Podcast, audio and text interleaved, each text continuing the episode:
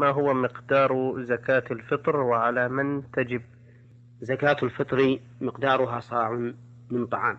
قال أبو سعيد الخدري رضي الله عنه فيما رواه البخاري عنه كنا نخرجها على عهد النبي صلى الله عليه وسلم صاعا من طعام وكان طعاما يومئذ التمر والزبيب والشعير والأقط وكونها صاعا من طعام يشمل أي نوع كان من الأطعمة فالرز والبر والتمر والزبيب والأقط كله يجوز إخراج زكاة الفطر منه لأنه طعام.